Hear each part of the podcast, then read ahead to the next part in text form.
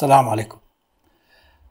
حلقة اليوم كنت مقرر أن أعمل حلقة عن الفيلسوف ديفيد هيوم ما تبقى من آراء السياسية.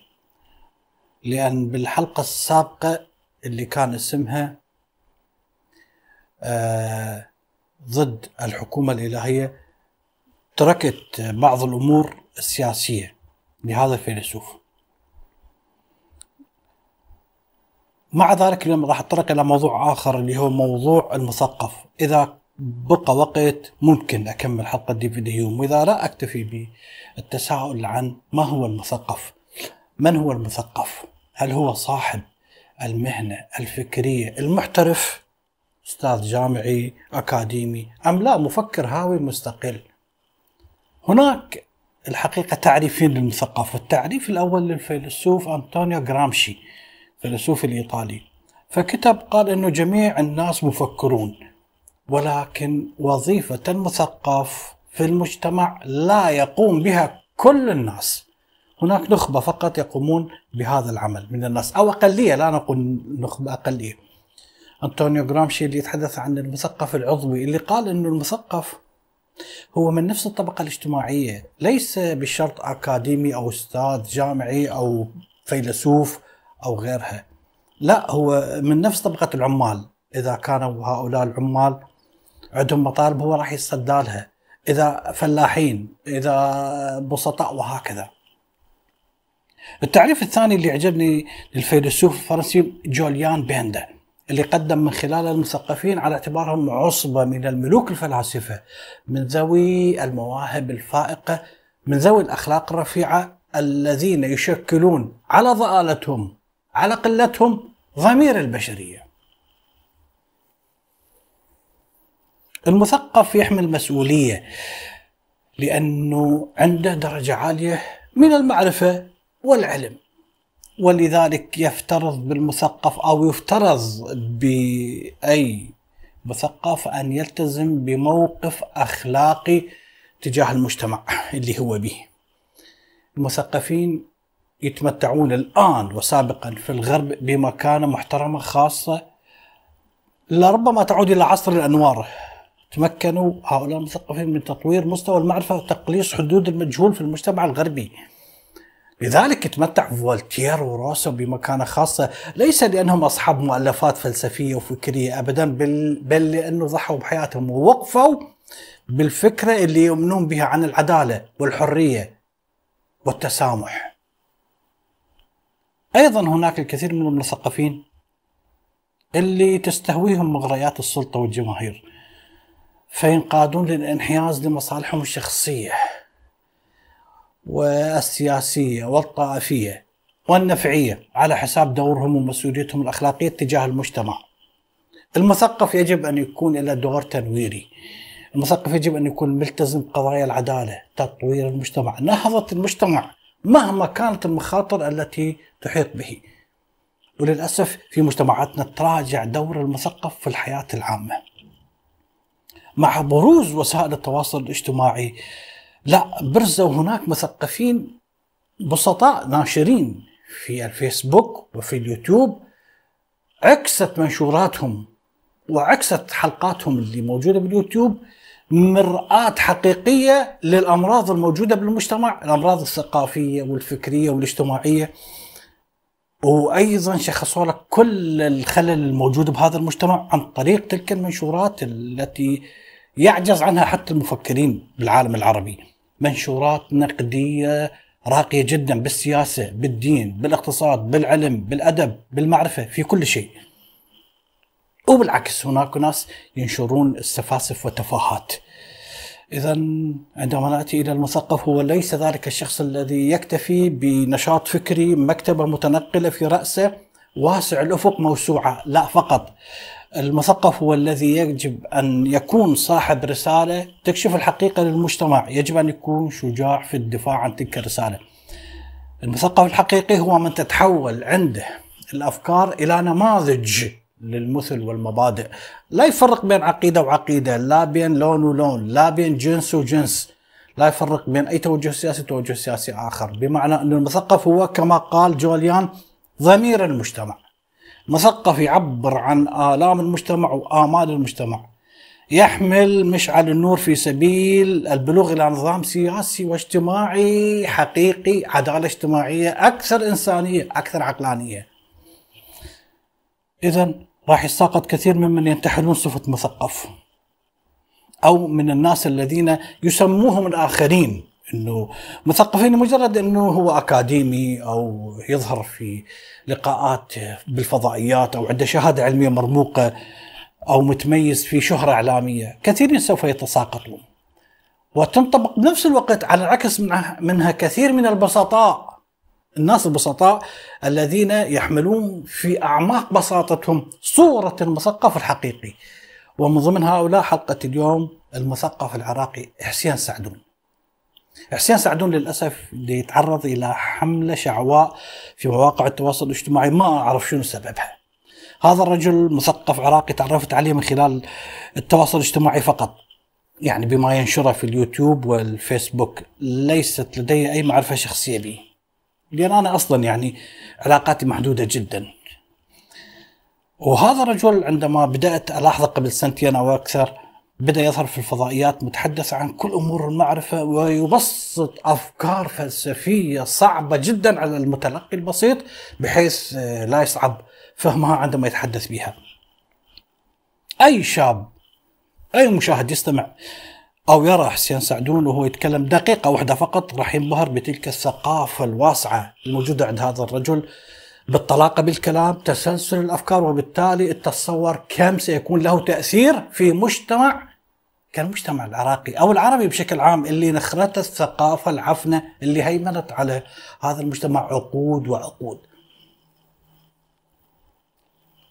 لكن وكما يقولون لا كرامة لنبي في وطنه وأنا يعني أتصفح في الفيسبوك وإذا أجد بحملة شرسة ضد هذا الرجل ما بالكم يا قوم؟ الجزاء الإحسان إلا الإحسان؟ هاي بدل رحم الله والديك شكرا. سخرية لاذعه كلمات بذيئة شتم ما عدا جماعة الله أضحكني. بدون سبب والله. أريد أعرف سبب هذا الهجوم. لا يوجد. يعني أنقد تكلم عن أمور أخطأ بها. لا بأس. علق لكن السخرية من أجل السخرية. اقرأ المنشور الذي يكتب ضد حسين سعدون. من البداية للنهاية ما تجد كلمة واحدة ما تجد جملة واحدة آه، ممكن تستفاد منها وتقول هذا يستحق النقد. أبدا على الإطلاق. لا والغريب إنه هذه الهجمة اللي تعرض لها من أناس يسمون أنفسهم مثقفين. طب ما أنتم ضمير المجتمع وحاملين مشعل ما أعرف إيش والمعبرين عن آمال المجتمع وطموحاته. هي هاي النتيجة. يعني هي هاي قدرتكم على المثقف فقط؟ فهؤلاء أصحاب المنشورات وجماعة الاضحكني اللي يتهجمون على حسين سعدون وغيره. أتحداهم يتهجمون على قائد ميليشيا اليوم بالعراق. أتحداهم. يخاف حتى أضحكني أو حتى أعجاب على منشور. مثلا ضد أحد قادة الميليشيا أو قادة الأحزاب أو رجل دين طائفي ومتخلف. لا رادود يخاف. ينقده أو يخاف يضع اعجبني مثلا.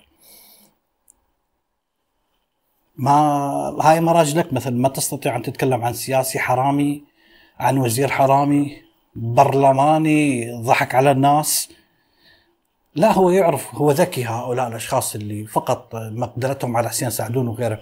يعرف إنه الدولة والميليشيات والأحزاب والمرجعيات كلها راح تتعامل وياه وراح يتعاملون تعامل اللي هو ممكن يخمنه. ما عدا أنصار رجال الدين أو السياسي اللي راح يشتغلون مربعتين. لكن أجي على حسين سعدون. حسين سعدون لا عنده حزب سياسي.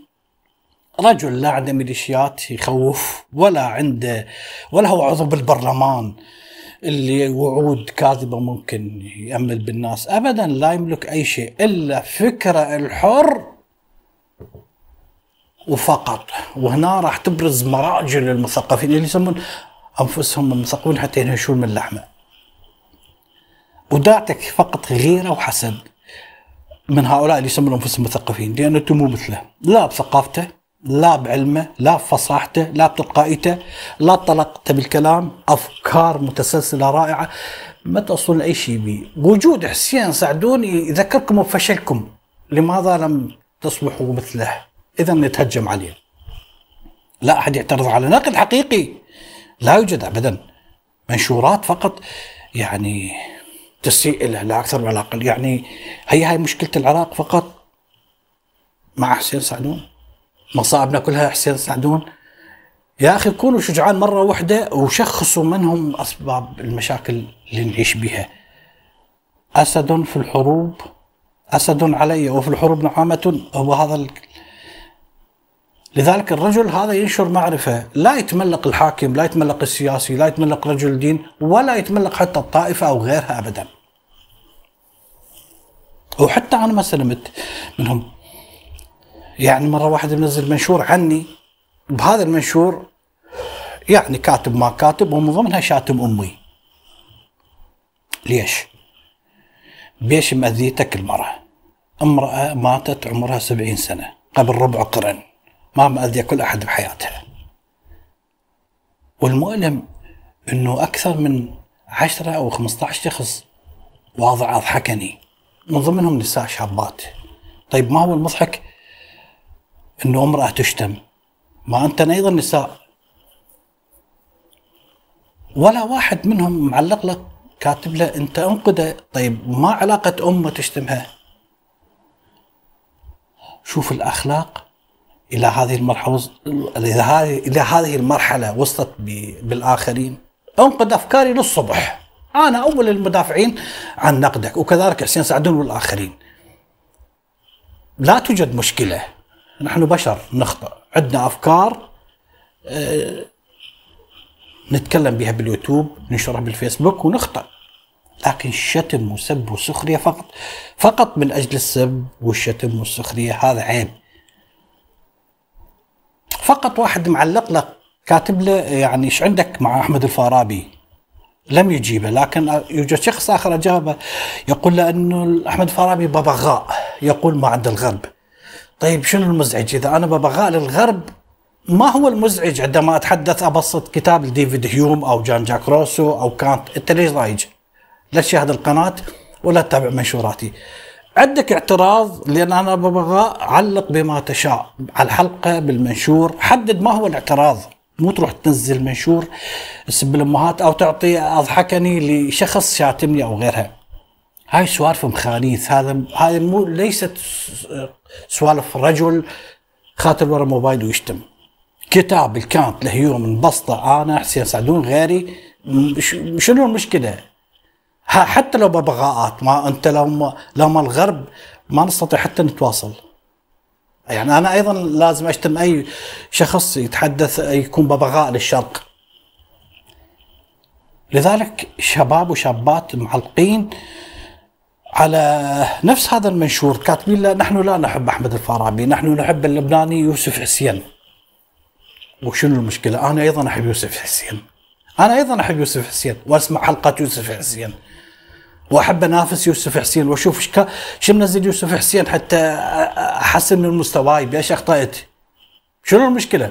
كثيرين يسألوني آه، بالحلقات اللي أنزلها أريد آه، نفتهم ونعرف الفلسفة منين نبدأ؟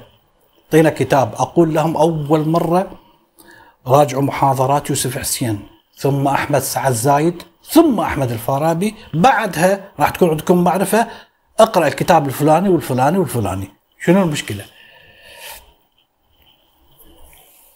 اذا حسين سعدون يبسط أفكار لهيجل وماركس وبقية الفلاسفة والعلماء. بيش مأذيك؟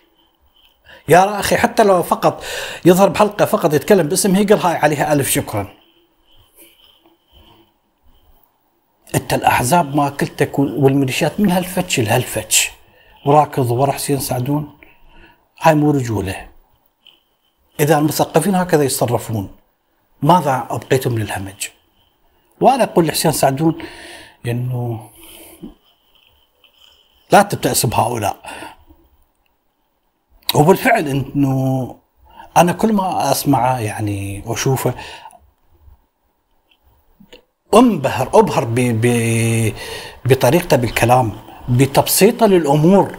أتمنى أكون يعني بكثير من الأمور مثله فأقول له يا حسين سعدون هؤلاء ذباب السوق كما قال عنهم نيتشه. وهذا هو مستواهم هذا كل اللي عندهم. وكل إناء بالذي فيه ينضحون ورحم الله المتنبي وأنت تعمل بشارع المتنبي. كان بدي أن أكمل حلقة ديفيد هيوم عن السياسة لكن اللي هنا اكتفي وربما أعمل حلقة كاملة أخرى عن ديفيد هيوم. شكرا لكم.